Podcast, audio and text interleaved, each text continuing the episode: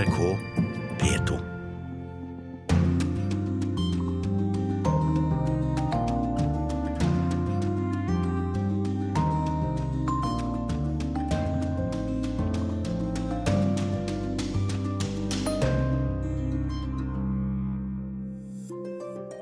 Først virket alt avgjort. Så ble det spennende, og til slutt ble det skittent. I morgen er det presidentvalg i Brasil. En popdiva skulle arve presidentembetet av pappa. Nå har han plassert henne i husarrest i stedet. Gulnara Karimova var det vakre og glamorøse ansiktet til et av verdens mest brutale, isolerte og undertrykkende regimer, nemlig Usbekistan. Amerikanske presidenter har hatt elskerinner i fleng. Men en maidag i 1987 var den slags plutselig ikke greit lenger. Og i møte med menneskene som flykter fra krigen og ber ham om hjelp, føler vår mann i Midtøsten seg maktesløs med mikrofonen sin. Hva gjør man så da? Gir opp? Blir kommunikasjonsrådgiver i en humanitær organisasjon? Kanskje prest? Eller begynner å drikke på ordentlig? Jeg vet ikke. Velkommen til en time i selskap med utenriksredaksjonen i NRK. Dette er Urix på lørdag, og jeg heter Tore Moland. Først, seint i går kveld kom en nyhet som følger et mønster som vi på kort tid har blitt sørgelig kjent med. Det er ekstremisthæren Den islamske staten som har lagt ut en ny video som viser hvordan de tar livet av et britisk gissel ute i ørkenen i Syria. Gisselet skal være drosjesjåføren og hjelpearbeideren Alan Henning, og det er i så fall den fjerde slike videoen verden får se på sju uker. Sigurd Falkenberg Mikkelsen i Kairo, hva vet vi om denne videoen? Ja, den viser eh, Alan Henning i oransje fangedrakt med bøddelen i kledd i sort med en kniv. Eh, de er i ørkenen, og den er helt lik som de tre eh, foregående videoene. Med et unntak, de viser ikke henrettelsen. Eh, og Både britiske og amerikanske myndigheter jobber nå med å verifisere videoen. Men den historikken som, som vi nå har, så er det ikke noe virkelig ganske sannsynlig at også Henning er tatt livet av. Og Henning ser medtatt ut på denne videoen. Det er stor kontrast Eh, mellom det bildet av han som har sirkulert i det siste med en syrisk baby på armen, eh, og det vi ser nå med store ringer under øynene. Han stråler formelig i dette ene bildet som ble tatt av ham eh, da han da reiste ned julen 2012 for å være hjelpearbeider, og ble da kidnappet kort tid etter. Espen Aas i London, jeg trenger kanskje ikke å spørre hva reaksjonene er på dette i Storbritannia? Nei, Bildene av denne tobarnsfaren er jo da selvsagt på så godt som alle avisforsider i dag. Og så er jo dette drapet, som de foregående, blitt møtt med fordømmelser fra nærmest topp til bunn i, i samfunnet. Statsminister David Cameron sa i går at dette var bare nok et bevis på hvor barbarisk denne gruppen som har utropt seg selv til den islamske stat er, og, og lovet at disse morderne skulle finnes og stilles for retten, slik eh, han også sa da det forrige uh, britiske offeret, David Haines, uh, ble drept og, og vist frem i video. Hva kan du fortelle oss mer om dette nye offeret, Alan Henning, en drosjesjåfør fra Salford? Ja, Salford rett utenfor eh, Manchester. Eh, han var 47 år og dro da til Syria sammen eh, med nødhjelpskonvoi i fjor og sa at det var viktig å forsikre seg om at hjelpen kom frem til de rette menneskene, som han sa. Det fikk han aldri forsikret seg om, fordi han ble da tatt til fange bare angivelig minutter etter at han kom til landet. Det som har vært spesielt med Henning, var at denne kidnappingen ble holdt hemmelig. Den ble ikke offentliggjort før etter etter da drapet på disse to amerikanerne James Foley og Steven Sotloff, og, og dette britiske offeret David Haines. Og det ble også bedt om at identiteten skulle holdes hemmelig fra, fra familien, men etter hvert så ble jo dette også kjent. Sigurd, du er eh, nettopp tilbake fra eh, fronten ved den tyrkisk-syriske grensa sjøl. Hva oppnår egentlig disse videoene i krigen, utover å, å forferde omverdenen? Altså, disse videoene er jo myntet på et eh, vestlig publikum, ikke så mye på Midtøsten uh, og den direkte krigføringen som foregår på bakken der. Men er det noen eh, sammenheng Men, mellom den propagandakrigen og den krigen som foregår på bakken? Ja, det er det absolutt. fordi De bruker frykten helt bevisst som våpen. De bruker sosiale medier til å spre frykt. Og Det gjør jo da at særlig sivilbefolkningen, men også alle andre som ikke er ytterst motiverte, flykter når de kommer. Alle flyktninger jeg snakker med har historier om enten rykter de har hørt, eller ting de har sett selv, eller familie har sett av grusomheter. Og alle har vært innom sosiale medier for å sette sånn at det er et effektivt eh, våpen. Det gjør at de møter liten motstand, eh, i hvert fall i landsbyer eh, som er relativt forsvarsløse. Men så blir jo også motstanderne herdet av dette, og noe av sjokkeffekten er jo borte nå. Det merker man når man snakker med soldater på den andre siden, altså deres motstandere, som forteller ganske nesten avslappet om at folk blir kappet hodet av. og Eh, etter at, uh, og, og, sånne ting. Sånn at dette er et dette er en meget brutal krig som, som, med en brutalitet som forsterkes ettersom krigen går. Og så har det jo blitt en fast gang i dette at neste offer nærmest utpekes i slutten av hver video. Er det noe som helst som tilsier at dette kan ta slutt, eller at det kan bekjempes på noe vis? Det er veldig vanskelig. De holder ganske mange gisler fortsatt. Eh, akkurat hvor mange er ikke helt sikkert, men i hvert fall eh, antagelig i overkant av eh, ti stykker. Nestemann på listen, som de også sier i denne videoen, er en amerikaner, Peter Castig, tidligere soldat. Akkurat hva han gjorde i Syria er litt uklart, men han prøvde nok å, også å komme inn i en eller annen form for, et eller annet form for hjelpearbeid. Men vi vet fra tidligere at når relativt godt organiserte organisasjoner holder gisler og er fast bestemt på å holde de skjult, så er det vanskelig å få tak i dem. I Libanon ble det holdt folk i årevis. Eh, Hamas eh, hadde den israelske soldaten Gilad Shalit til fange i fem år. Eh, og dette på Gaza, hvor israelerne har meget god etterretning. Og vi ser også at For amerikanernes del så er jo overraskelsesmomentet borte. De er i åpen krigføring med dem. og forsøkte jo med en spesialsoldataksjon eh, like før, eh, like før krigføringen begynte, og før disse gislene ble henrettet. og James Foley var førstemann, eh, men da lyktes de ikke. Så det er veldig vanskelig å få de ut sånn som situasjonen er nå. Da sier vi takk til Sigurd Falkenberg Mikkelsen i Kairo og til Espen Aas i London.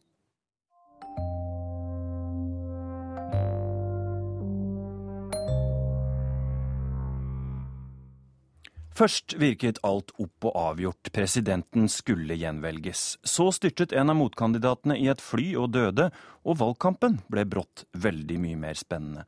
Og mot slutten har det blitt tilløp til både svertekampanjer og skittent spill. I morgen er det presidentvalg i Brasil, og det som skulle være et lett gjenvalg for sittende president Dilma Rousef, er i stedet blitt noe av et bikkjeslagsmål mellom tre kandidater. Hvem votere? Jeg vil stemme på Dilma Rousef, sier en ung arbeider som er i gang med å vaske en bil foran et av hotellene her i bydelen Copacabana. Hvorfor henne, spør jeg. Fordi hun har gjort en god jobb, og fordi jeg mener hun er den rette til å lede Brasil også de neste fire årene, sier han. Men selv om Dilma Rousef er favoritt til å vinne morgendagens valg, så er det ikke lett å finne hennes velgere her i de rike områdene av Rio de Janeiro. Enkelte blir irritert bare jeg nevner navnet hennes. Detest. Dilma, PT. Jeg hater Dilma, og jeg hater Arbeiderpartiet. Dilma Rousef er i ferd med å ødelegge Brasil og bør ikke gjenvelges, sier den 30 år gamle Sandro Viero. Jeg stemmer på Aesio Neves fra PSDB. Det er en politiker som kan få skikk på landet, sier han. Men de fleste av dem jeg møter, vil stemme på miljøpolitikeren Marina Silva. Jeg liker Marina bedre enn Dilma, sier 25-åringen Tajani Kristina her fra Rio. Jeg stemte på Dilma ved forrige valg, og angrer bittert. Hun har skuffet meg, så nå satser jeg på Marina, som jeg tror kan få til viktige endringer i Brasil, sier hun. Amigos. Essa campanha se inicia marcada por um sentimento de enorme tristeza após a tragédia que levou Velkommen til brasiliansk politikk. 32 registrerte partier, og i dette valget tre dominerende koalisjoner. Og lykke til med forsøk på å finne ut hvem som vil vinne et presidentvalg. For vanlige analyser av meningsmålinger kommer ofte til kort. Cuida da residência oficial com os meros de qualquer dona de casa. Brasil er et ungt demokrati med få valg bak seg, så det er lite historisk data. Partibildet er særdeles fragmentert, så det er vanskelig å trekke klare linjer, og partiene danser fra koalisjon til koalisjon, så sammenligninger fra tidligere valg kommer ofte til kort. Gostaria de dizer que nessa campanha vi hører henne i den aller siste TV-debatten natt til fredag. Den sittende presidenten Dilma Rousseff tilhører Arbeidernes parti, den dominerende delen av koalisjonen med styrken til folket. Ti partier har gått sammen i koalisjonen, men politisk går de både den ene og den andre veien.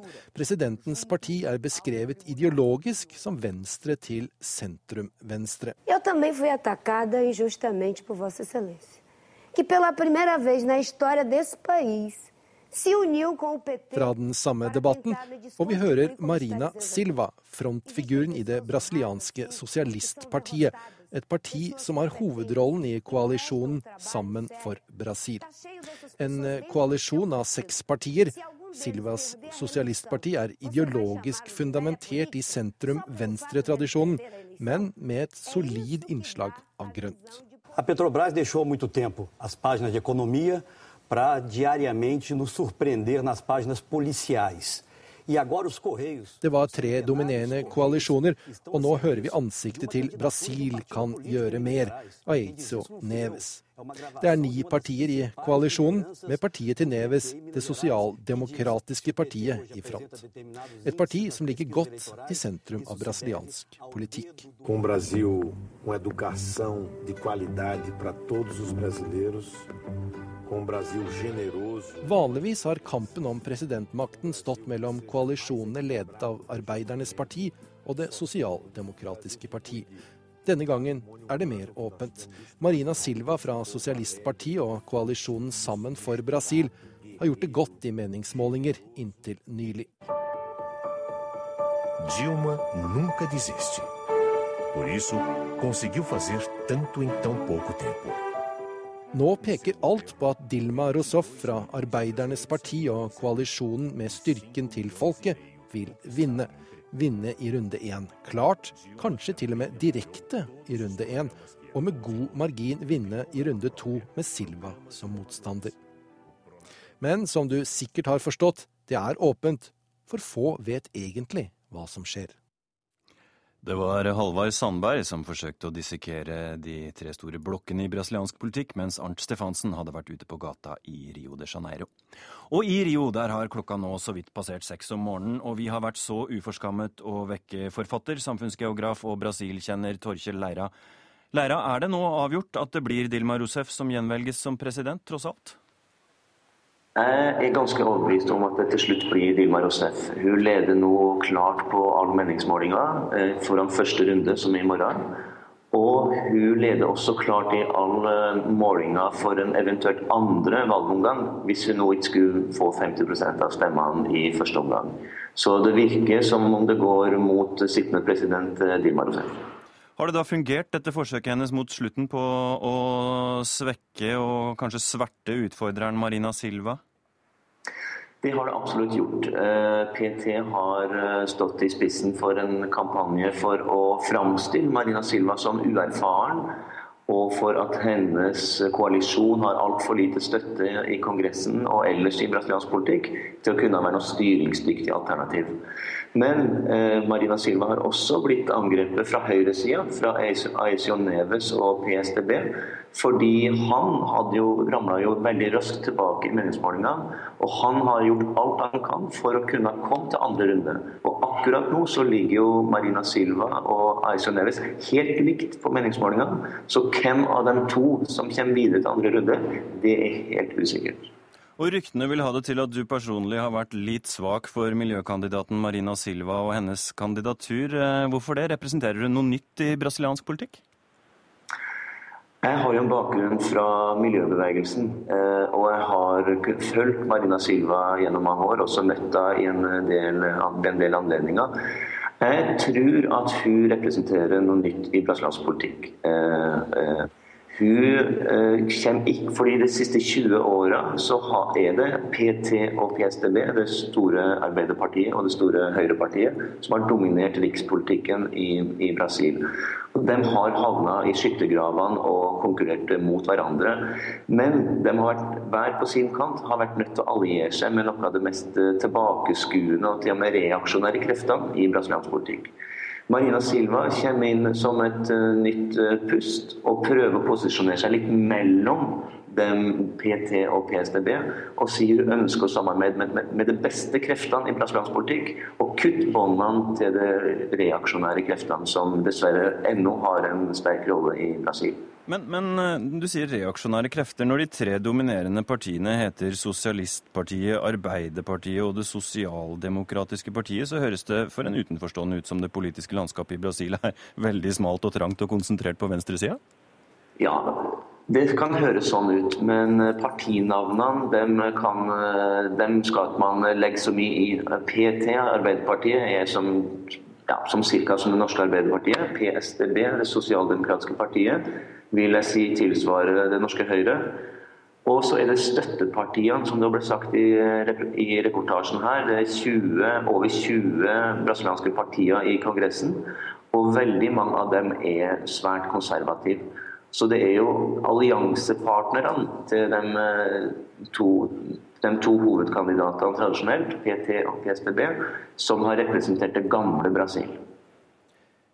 Da føler vi oss litt mer oppklart. Hvis ingen da får over 50% av stemmene, så skal det som du sier holde seg en andre valgomgang 26.10. Eh, hvem av de to eh, kandidatene har størst sjanser mot Dilma da, helt kort?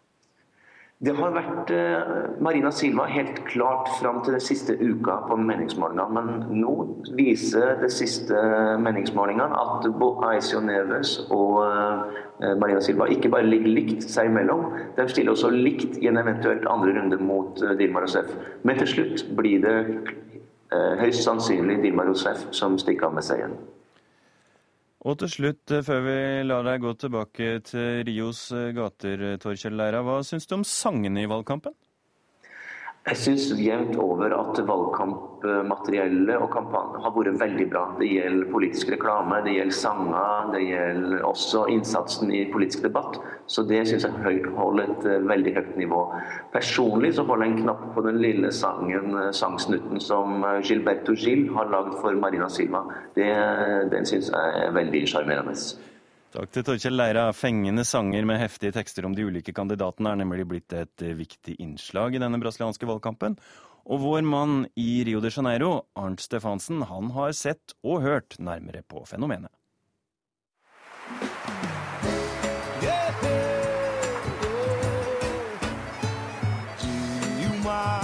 Coração valente, força brasileira Dilma, et tappert hjerte, heter det i denne valgsangen om Brasils president Dilma Rousef.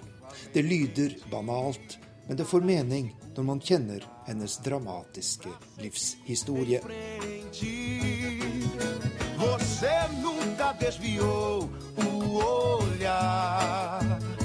Do sofrimento do da Dilma Rousef var 19 år, ble hun arrestert og torturert på det grusomste av Brasils militærregime. Hun satt i fengsel i tre år for sin motstand mot regimet, og hennes tilhengere hyller henne for dette nå under valgkampen. Valgsanger, eller jingles som brasilianerne kaller det, er en fin tradisjon i brasiliansk politikk, mener folk jeg møter på gata her i Rio de Janeiro. Eu acho válido, sabia? O jingle é muito legal. E Dette har verdi og er veldig bra, sier en 55 år gamle Flavio Bastos fra bydelen Copacabana. Noen av valgsangene er blitt klassikere fordi melodiene og tekstene er gode. Fotballfansen har bl.a. plukket opp slike sanger og laget nye tekster som brukes på kampene.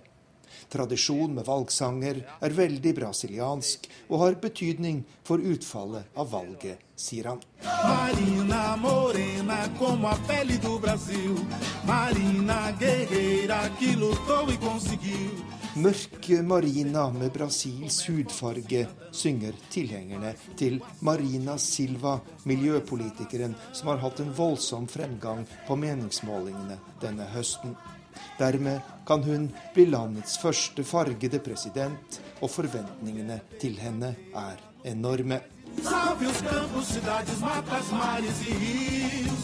Salve, gente, o sonho da gente, salve o Brasil. Hun redder jorda, byene, skogen og innsjøene. Hun redder menneskene, og hun redder Brasil, heter det i valgkampsangen for Marina Silva. Og Maria Elena de Conceição, som kommer fra en fattig bydel i det nordlige Rio de Janeiro, tar gjerne del i den hemningsløse rosen. Ah. Jeg synes dette er flott, og jeg vil stemme på Marina, sier hun. Hvorfor det, spør jeg. Fordi hun gir oss kraft og overbeviser oss. Vi trenger en slik politiker fordi det er så mye løgn og bedrageri i politikken. Vi trenger noe nytt, en som forandrer dette landet, og hvis det er én jeg tror på, så er det henne, sier Maria de Conceição. Men langt fra alle lar seg rive med av valgsangenes budskap. For meg er dette noe for enkle sjeler, sier den 30 år gamle Roberto Simones. Mange lar seg begeistre av fengende melodier og enkel retorikk. Og det er etter min mening det valgsangene handler om. Å skjule politikken og realitetene bak enkel valgpropaganda. Jeg er ikke i tvil om at disse sangene har en viktig innflytelse på velgerne, men jeg synes det er trist, sier 30-åringen.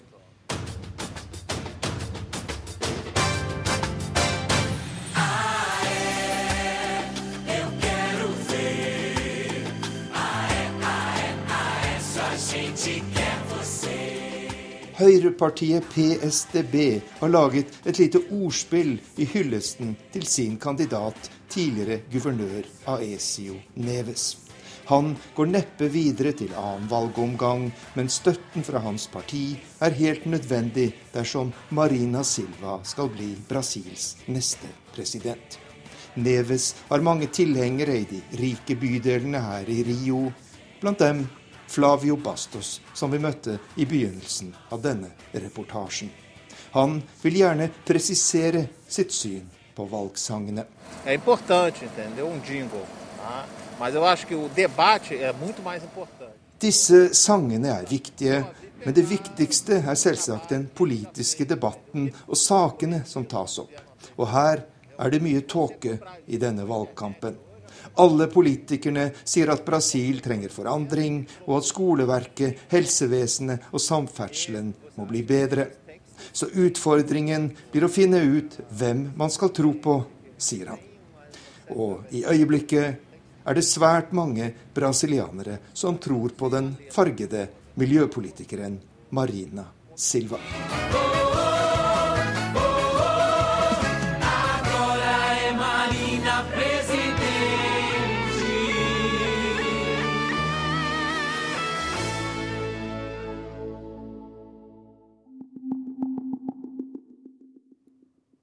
Er det nødvendig å ødelegge en politiker bare fordi han ikke har helt styr på buksesmekken? Og er det noen lenger som husker Gary Hart? Han lå an til å bli president i USA i 1988. I stedet gikk demokraten Gary Hart inn i historien som den første amerikanske politikeren som fikk ødelagt sin karriere pga. kvinnehistorier. Stikkordene er Donna Rice og en seilbåt med det velklingende navnet Monkey Business. I guess I've become some kind of a rare bird, some extraordinary creature that has to be dissected by those who analyze politics Det er mai 1987. En innbitt senator står på talerstolen og forteller at han føler seg som en dissekert fugl. Og at han trekker seg fra demokratenes nominasjonskamp. Den uka for 27 år siden ble den politiske journalistikken her i USA forandret for alltid mener Matt Bai. In that moment, decisions were made to treat a presidential candidate very differently from the way we'd ever treated one before. Sier journalisten i Yahoo News i et intervju med PBS. I boka All the Truth Is Out, som kom ut denne uka, forteller Bay både historien til Gary Hart og til den politiske journalistikken her i landet. Franklin Roosevelt, John Kennedy, Lyndon Johnson, all of whom we now know uh, were not angels in their private lives. Matt Bay ramser opp presidenter som holdt seg med elskerinner i fleng. Pressekorpset i Det hvite hus visste at president Kennedy hadde med seg opptil flere kvinner på reiser og foran valgkampen i 1964 informerte hans etterfølger Lyndon Johnson de betrodde journalistene om at han kom til å ta med seg damer på rommet i ny og ne. Men det var ikke noe å skrive hjem om. Overhodet ikke, var reporterne enige om. Mange av dem hadde selv affærer i fleng, ifølge Matt By. Men utover på 1980-tallet skjedde det noe og Gary Hart ble dette noes første offer. The guiding ethos of political journalism really begins to shift inexorably more toward Watergate hadde brakt nye idealer til torgs. Journalistenes mål var blitt å avsløre løgnen, forteller Bay. Gary Hart var et takknemlig offer. Han var karismatisk og lå svært godt an på meningsmålingene. Men han levde også i et haltende ekteskap, og pressekorpset visste at han hadde såkalte problemer med buksesmekken. Så kom den famøse seilturen til en øy utenfor Miami. Midt i en kritisk fase i nominasjonskampen leide Hart båten med navnet ingen glemmer. Monkey Business. Med på turen var den unge, blonde modellen Donna Rice og presidentkandidaten lot seg forevige med Rice på fanget. Dette ville ha vært helt udramatisk, skriver Bay, hadde det ikke vært for at en journalist i The Miami Herald skrev en artikkel om dameryktene Hart var omspunnet av. Journalisten fikk sporenstreks en telefon fra Donna Rice' venninne. Hun hadde vært om bord i Monkey Business, og hun hadde bilder hun ville selge. Og hun visste at Rice var på vei til Washington for å møte denne Gary som hun var så betatt av. Journalistene fra Florida-avisen reiste til hovedstaden og ventet utenfor huset til senator Hart. Og det hele endte i en åpen konfrontasjon med Gary Hart i et smug i bydelen Georgetown. This attractive lady whom I had only recently uh, been introduced to Um, Kort tid etter trakk altså Gary Hart seg og innrømmet at han aldri skulle ha hatt Donna Rice på fanget på det bildet. Han klarte aldri å bli politiker igjen. I snart 30 år har han levd med tankene om det som kunne ha blitt, skriver Matt Bye i boka. Han baserer den på 20 timer med intervjuer med Hart, og føler en viss medlidenhet med mannen. Det er det ikke alle som gjør. Jeg tar en telefon til kommentator Deborah Saunders i avisen The San Francisco Chronicle, som også har skrevet om Hart denne uka. Gary Hart was the architect of his own demise. He made some incredibly bad, reckless decisions. Han sørget helt og holdent for sitt eget fall, sier hun. Hun tror det stort sett er menn som har medlidenhet med slike som Gary Hart a lot of women are not necessarily anxious to return to the good old JFK days. Få kvinner ønsker seg vel tilbake til John F. Kennedys dager, undrer Saunders. Etter Gary Hart kom nye politikere med buksesmekktrøbbel.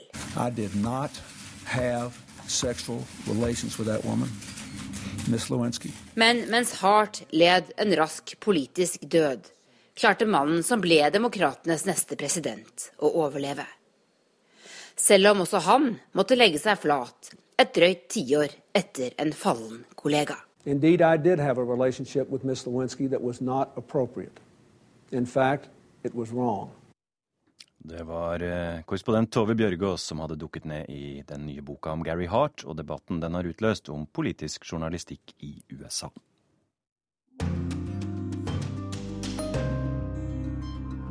Klokka har passert halv tolv, og du hører på Urix på lørdag 4. oktober. En ny video sjokkerer verden. Storbritannia fordømmer ekstremisthæren, den islamske staten, for å ha tatt livet av hjelpearbeideren Alan Henning. Og bulgarerne hogger ved for å holde varmen. De høye strømprisene er kampsak nummer én når de går til stemmeurnene i morgen.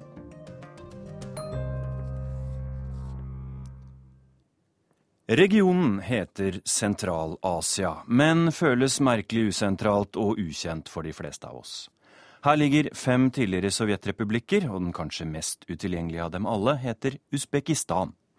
Der har familien Karimov styrt helt siden Sovjetunionens fall, og nå så det ut til at presidentdattera Gulnara Karimova skulle ta over etter far.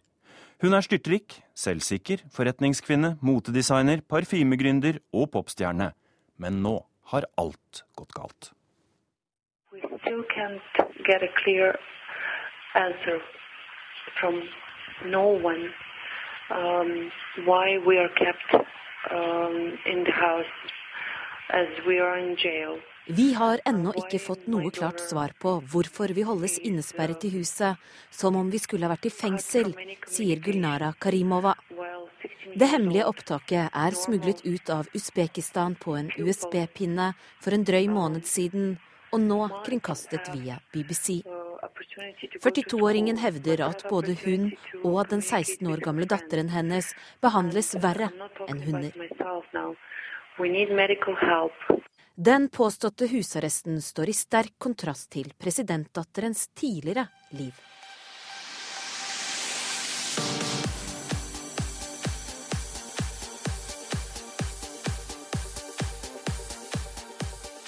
Gulnara Karimova var det vakre og glamorøse ansiktet til et av verdens mest brutale, isolerte og undertrykkende regimer, nemlig Usbekistan, ofte sammenlignet med Nord-Korea.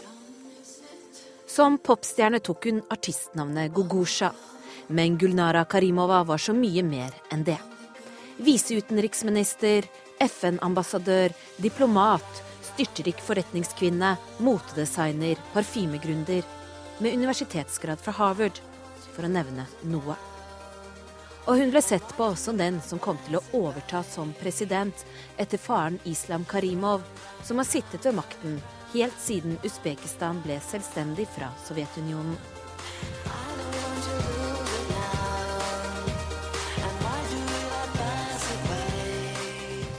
Men ettersom imperiet hennes vokste, begynte flere europeiske land å gå forretningene hennes etter i sømmene. I 2012 begynte journalister i svenske SVT å undersøke hvordan teleselskapet Telia Sonera hadde kommet seg inn på det usbekiske markedet. Journalistene hevdet de kunne dokumentere at selskapet hadde betalt Karimova 300 millioner dollar i bestikkelser. Telia Sonera har nektet for dette, men undersøkelsen ledet saken uansett videre til Sveits, hvor man fant at Karimova hadde en skjult formue på 900 millioner dollar. Og slik begynte snøballen å rulle. Både omfattende hvitvasking og mafialignende metoder ble avslørt. Trøbbel i utlandet fulgte Karimova også på hjemmebane. TV-stasjonene hennes ble stengt. Det samme skjedde med luksusbutikkene. Kilder tett på familien mener presidenten ikke hadde annet valg, fordi datterens overdådige livsstil var i ferd med å ødelegge hans eget rykte i hjemlandet. I Wikileaks-dokumenter fra USAs ambassade ble hun kalt for Usbekistans mest forhatte person.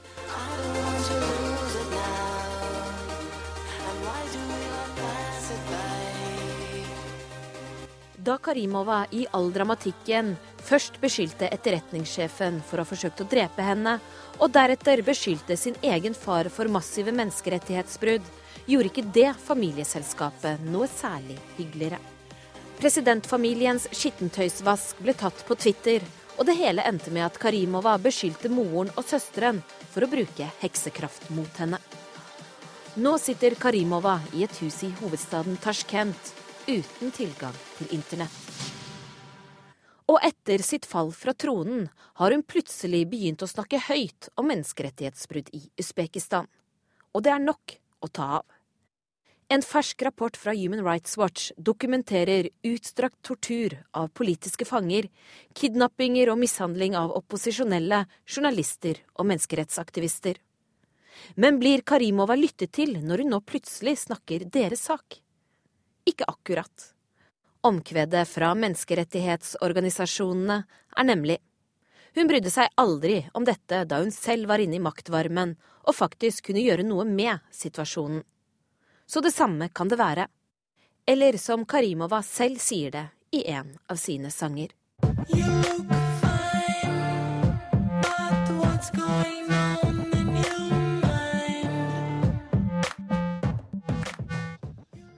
look fine, but what's going on in your mind, sang Gugusha, også kjent som Gulnara Karimova, reporter Guri Nordstrøm. Erika Fatland, hva er det som skjer i Usbekistan og innad i familien Karimov for tida? Ja, Det er jo et veldig godt spørsmål. Det tror jeg det er ganske mange som lurer på. Altså Hele denne saken med husarresten og, og Gulnaras voldsomme fall fra tronen kommer jo veldig raskt og veldig plutselig. Og hva som skjer nå, det er et åpent spørsmål. Nå er det presidentvalg neste år. Jeg tror nok jeg ville satset pengene mine på at det er far Karimov som blir gjenvalgt på ny. Du har da altså akkurat gitt ut boka 'Sovjetistan', som handler om disse fem landene i Sentral-Asia. Og kan du kanskje beskrive Usbekistan for de av oss som sliter litt med å skille disse ulike Stan-landene fra hverandre? Usbekistan er det mest folkerike av disse landene. Det bor nesten 30 millioner mennesker der. Og det er et av de verste diktaturene i verden.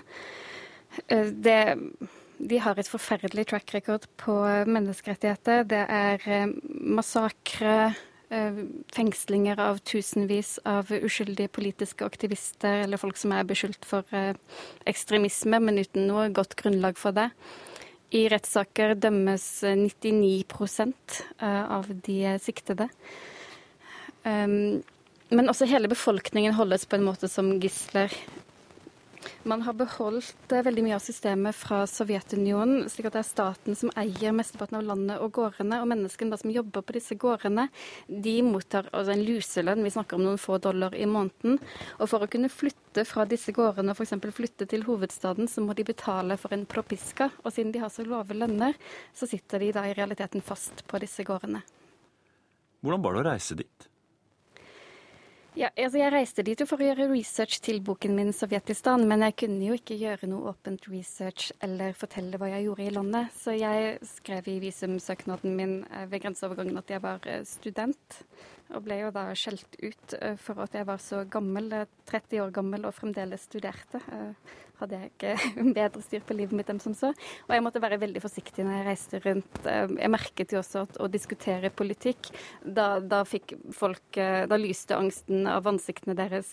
Eh, og det var ikke et tema de gjerne diskuterte med utlendinger. Det er spioner for regimet overalt. Det er livsfarlig å, å si noe kritisk om regimet. Bortsett fra om Gulnara Karimova. Hvis jeg brakte henne på bane, så kunne folk plutselig snakke veldig opphisset eh, og negativt om henne. Så det er helt tydelig at det ikke ble oppfattet som noe farlig å kritisere presidentdatteren. Ja, Hva er det som gjør at hun har blitt så forhatt? Dette er noe hun har bygget opp uh, over flere år. Uh, hun har uh, var, var Usbekistans mest eh, forhatte og rikeste og mektigste forretningskvinne. Brukte mafiametoder. Hvis hun ville overta en restaurant eller en business eller hva som helst, eh, så bare slo hun kloa i den og, overtok den med diverse metoder. Alt dette var som passet for eh, det tilfellet.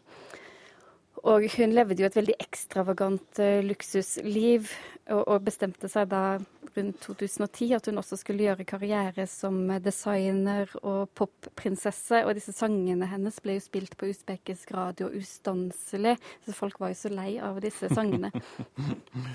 Men presidenten selv er gammel og sies å være ved dårlig helse, Islam Karimov. Hvis ikke dattera nå skal overta, hvem, hvem blir det da? Ja, Det er også et godt spørsmål. Altså, dette gjelder for alle de sentralasiatiske landene. At man har ikke noe tronfølger til den sittende presidenten, som i de fleste landene har sittet siden 1991. I uh, Usbekistans tilfelle så er det nå mange som tror at det er sikkerhetssjefen, um, Rustam Inoyatov, som kanskje er kandidaten til å ta over. Og det er ganske interessant, for her lurer man også på om Russland eh, spiller uh, en rolle i kulissene. Um, det vet man jo ikke hva som skjer i kulissene. Ja, la oss komme litt inn på Usbekistans forhold til omverdenen ganske kort. fordi til tross for at du beskriver det nærmest som et skrekkregime, så har dette til tider vært en nyttig alliert f.eks. For, for Vesten i kampen mot terror? Absolutt. Etter 2001 eh, så ble jo Usbekistan og USA nære venner og allierte i kampen mot terror. Og eh, USA hadde militære baser i Usbekistan som de brukte under krigføringen i Afghanistan. Dette ble det en slutt på etter massakren i Andijan i 2005, da flere hundre fredelige demonstranter ble regelrett massakrert i en liten by i eh, vest, nei, øst unnskyld, i landet. Og etter dette så ble, altså da ble det umulig å ikke kritisere det usbekiske regimet. Hvorpå eh, presidenten da svarte med å stenge militærbasene og kaste alle utenlandske organisasjoner ut av landet. Men f.eks. Tyskland har fremdeles militærbaser i landet. Og nå de siste årene, nå som eh, det er eh, exit Afghanistan, så har forholdet mellom USA og Usbekistan blitt veldig godt igjen, og de bruker nå Usbekistan for å frakte ut våpen og militært materiell. Til slutt, eh, Erika Fatland, du syns ikke vi greide å yte Gulnara Karimovas musikalske talenter helt full rettferdighet her. Og nå er det sjelden vi åpner for plateønsker i Urix, men du hadde veldig lyst til å ønske deg noen strofer fra en låt. Fortell. Ja, min yndlingssang er Nieba Malchit, som betyr eh, 'Himmelen tier', som er en duett mellom diktatorvenn Gerard Depardieu og Gulnara Karimova, som ble spilt inn i 2012, og det er Gulnara selv som har skrevet teksten. Nieba Malchit нет ни звезды, лишь пустота. Небо молчит, ты далеко, здесь я одна, но почему? задает загадки нам не отгадать, не разрешить, это все судьба. Le ciel se. Te pardonner avant, je n'ai pas su, mais maintenant, maintenant, je te pardonne.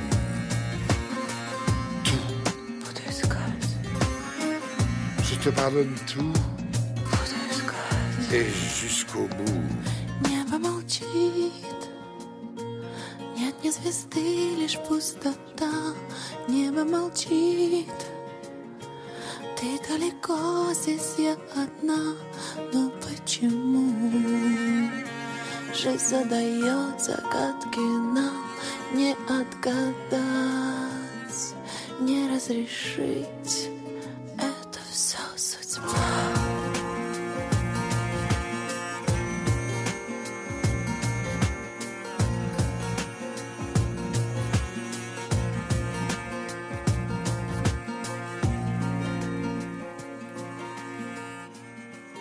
Hørte Gerard Depardieu i duett med dattera til presidenten i Usbekistan, der eh, den franske skuespilleren også leste høyt fra Karimovas egne dikt.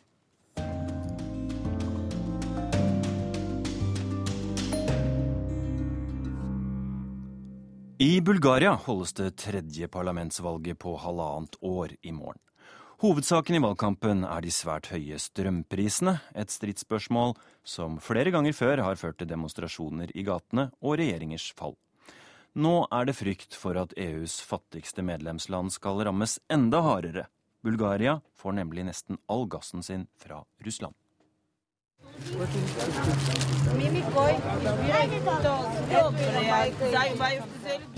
De politiske partiene i Bulgaria er i gang med innspurten i valgkampen. I en park i hovedstaden Sofia står valgbodene på rekke og rad. Men det er størst aktivitet hos sentrum-høyrepartiet GERP.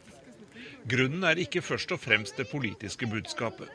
Partiet deler nemlig rundhåndet ut is, snacks og vann, i tillegg til politiske reklameeffekter og brosjyrer. Selv med disse små bestikkelsene så er det mange som er skuffet over partiene. За никой от българските политици няма да гласувам. Даже съм си организирал почивка в чужбина по това време. Jeg vil ikke stemme på noen bulgarske partier, sier Pavel Spasov. Han har organisert seg noen fridager og vil reise utenlands på selve valgdagen. Han understreker at han er lei av politikere som i 25 år har lovet en masse, men som i praksis ikke har gjort noe for befolkningen.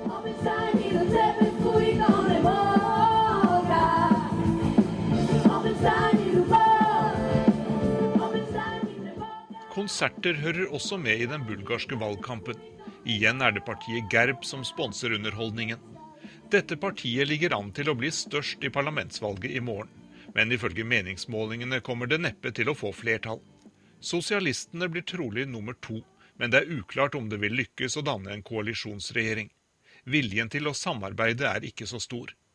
Men uansett valgutfall så har den klart dominerende saken i valgkampen vært de svært høye strømprisene i Bulgaria. От 1 октомври вече дигат тока с 10%. За нова година също ще го дигат, понеже ще ходим да гласуваме пак. I oktober økte strømprisene med 10 Fra nyttår skal de øke igjen. Jeg har ikke tenkt på noe annet enn siste uka, sier Romiana Dimitrova.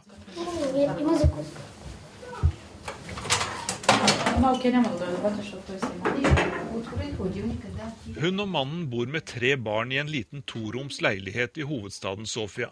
Romiana arbeider som rengjører, mens mannen er sjåfør. Til sammen tjener de om lag 4000 norske kroner i måneden.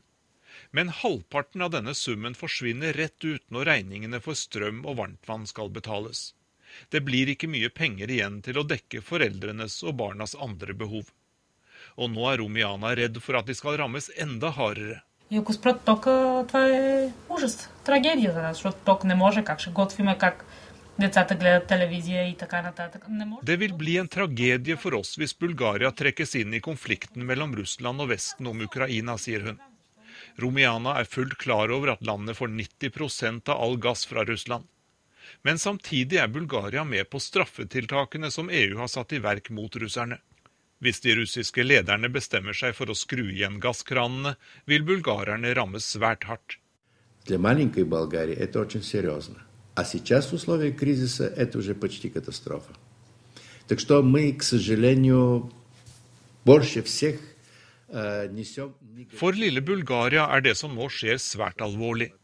Krisen rundt Ukraina kan utvikle seg til en katastrofe for oss, sier energieksperten Atanas Tasjev, som er rådgiver for parlamentets energikomité. Han understreker at Bulgaria er det landet som vil få størst problemer dersom det blir en gasskrig mellom Russland og resten av Europa. Ние ги поддържаме санкциите против Русия, но о, се надявам на политическата сцена, на vi støtter i prinsippet straffetiltakene mot Russland, sier Bojko Barisov, som leder GERP, det største politiske partiet i Bulgaria. Borisov blir trolig den neste statsministeren i landet, hvis han klarer å finne en koalisjonspartner. Han håper at konflikten rundt Ukraina blir kortvarig, fordi den allerede er til stor skade for bulgarerne. Borisov understreker også at det er sterkt beklagelig at Bulgaria er helt avhengig av Russland når det gjelder energiforsyning. Han mener at den store delen av befolkningen som har dårlig råd, bør få støtte fra staten til å betale strømregningene.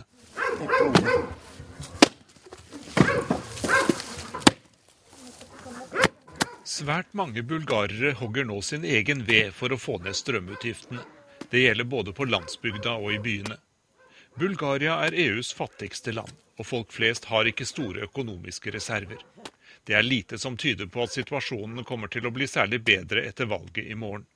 Og hvis storpolitikken rammer, kan bulgarerne få det enda mye verre.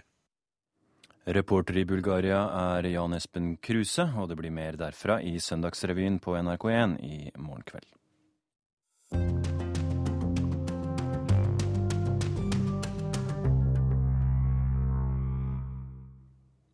Til slutt er det som vanlig tid for korrespondentbrev. Vår Midtøsten-korrespondent er rett og slett litt motløs etter å ha dekket tre kriger i fire-fem land på et par måneder. Hva enten det er i Gaza, i Nord-Irak eller nå sist på grensa mellom Syria og Tyrkia, så møter krigens ofre ham først og fremst med en bønn om hjelp. En bønn om hjelp til mat eller vann eller penger eller klær. Og hva gjør man da? Med den gamle mannen var det lett. Han kom gående langs en støvete og glohet vei og stanset i det lille av skygge han kunne finne ved en militærpost. Han ba om vann, og enset knapt hvem det var som ga ham det. Han bare tok flasken jeg hentet fra bilen og drakk. Dette var i sommer, og den gamle mannen var en jesidi eller kristen eller kanskje en kurder på flukt fra IS i Irak. Han hadde gått i flere dager fra Sinjar-provinsen, hvor den ytterliggående gruppa Den islamske staten drev noen mennesker opp på Sinjar-fjellet.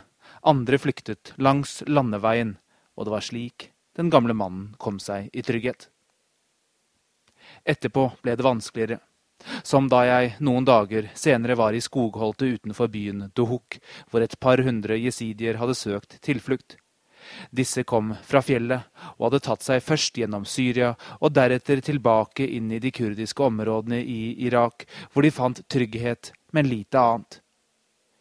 Da vi stanset utenfor leiren deres, strømmet folk mot bilen.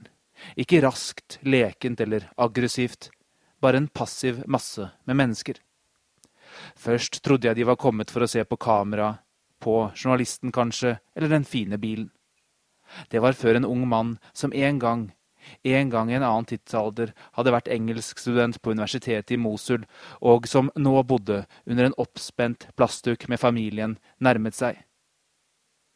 Vi trodde kanskje du kom med mat til oss, sa han forsiktig, og jeg svarte at nei, dessverre hadde jeg ikke noe mat til dem, men jeg var kommet for å fortelle verden om dem, at de fantes. Han svarte ikke. Saken var nemlig den at disse flyktningene bodde nederst i skogholtet, og det lille som kom av hjelp, ble utdelt lenger oppe, og aldri var det nok til at de fikk det de trengte.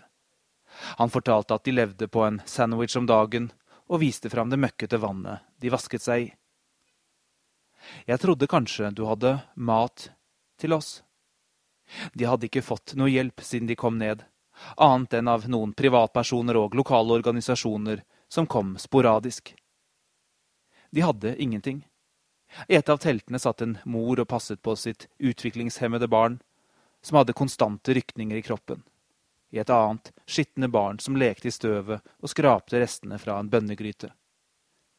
Jeg trodde kanskje du hadde mat med deg. Nei, jeg er bare journalist. En journalist som uka før hadde vært i Gaza, hvor flyktningene tøt ut fra FN-skolene hvor de hadde søkt tilflukt for det israelske bombardementet. Jeg misliker dette uttrykket 'tøt ut', som om det ikke er mennesker det dreier seg om, mennesker som deg og meg. Men det var det de gjorde. Det var folk overalt og barn overalt, og ingen steder var det nok av noen ting. Og her var det en tolvårig jente som hang seg fast i meg, som fulgte meg rundt, som jeg intervjuet, og som etterpå lurte på om jeg ikke kunne hjelpe henne og familien med litt penger, så de kunne kjøpe seg en madrass. De hadde nemlig ikke fått noe å ligge på, og det var ikke engang plass til dem i klasserommene. De bodde utenfor skolen, også de under en oppspent plastduk. Jeg svarte nei, jeg kunne nok ikke det, jeg var jo journalist. Jeg var her for å fortelle verden om dem, fortelle at de fantes. Det var en katastrofesommer i en katastrofetid, og nå skjer det igjen. Det er oktober. Jeg sitter i San Liurfa i Tyrkia, på grensen til Syria. Dette som lokale hevder er det bibelske ur hvor Abraham ble født. Profeten som ble starten for de tre verdensreligionene, som alle har sitt utspring i dette tette området som strekker seg fra den østlige middelhavskysten til det en gang fruktbare området mellom Eufrat og Tigris. Til dette grenseområdet har det kommet rundt 160 000 kurdiske flyktninger, og flere fortsetter å komme. Den islamske staten står ved den kurdiske byen Kobanis porter. Jeg har sett hvordan de bombarderer byen, hvordan de tyrkiske soldatene i beste fall gjør ingenting for å hindre den etniske rensningen. Og det som kan bli en massakre, skulle byen falle, og jeg har sittet ved nok et flyktningtelt og hørt historier om kvinner og menn, barn og eldre, som flyktet i all hast, uten medisiner, uten klær, og som alltid er det de fattigste som rammes hardest. De som var sårbare før, står nakne nå. Og jeg? Jeg er bare journalist. Jeg forteller deres historier. Men verden ser ikke ut til å høre, eller har bare nok med seg selv, eller andre ting som er viktigere. Hva gjør man så da? Gir opp? Blir kommunikasjonsrådgiver i en humanitær organisasjon? Kanskje prest? Eller begynner å drikke på ordentlig? Jeg vet ikke. I bilen på vei tilbake til hotellet fra den flyktningskolen i Gaza snakket jeg om dette med min venn og journalistkollega Ahmed Dalul, som hjelper meg med arbeidet i Gaza. Sammen har vi dekket tre kriger de siste åtte årene. Vi traff til og med en flyktning i en av skolene, som vi hadde truffet samme sted to år tidligere, i en annen krig, den forrige krigen mellom Hamas og Israel. Ahmed var helt tydelig. Vi kunne ikke ha gitt penger til den jenta. Det er ikke derfor vi er der. Vi er der som journalister. Det er vår jobb. Hadde vi gjort det, ville vi ødelagt for alle andre journalister som kommer dit. Og han kunne lagt til, kanskje gjort mer ulykke enn gavn. For hvem vet hva som egentlig ville skjedd, både med jenta og familien, dersom de hadde fått penger direkte fra en utlending.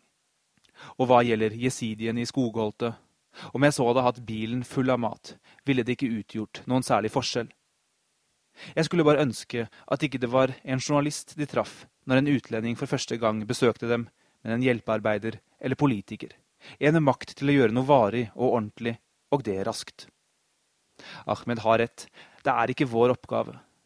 Men det føles bare som unnskyldningen er så lettvint, som om man beskytter seg mot et dypt moralsk problem ved å avfeie det med et journalistisk etos om å være den evige observerende. Litt som å gå rett forbi en tigger på gata i Oslo, fordi det tross alt finnes institusjoner som tar seg av slikt.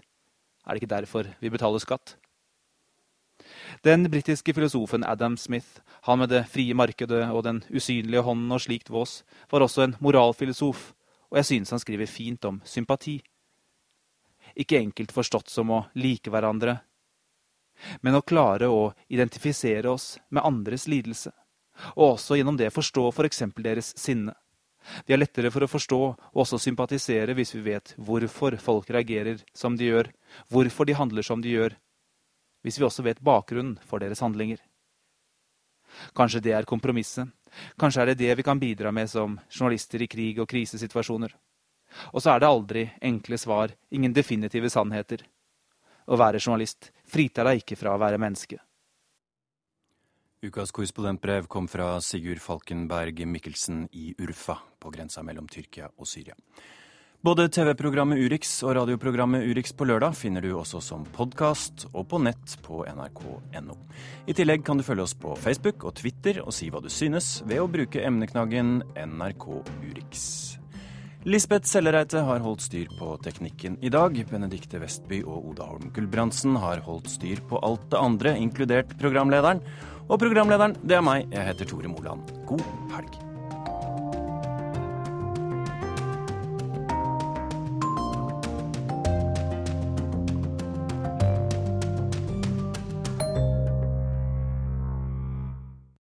Hør flere podkaster på nrk.no podkast.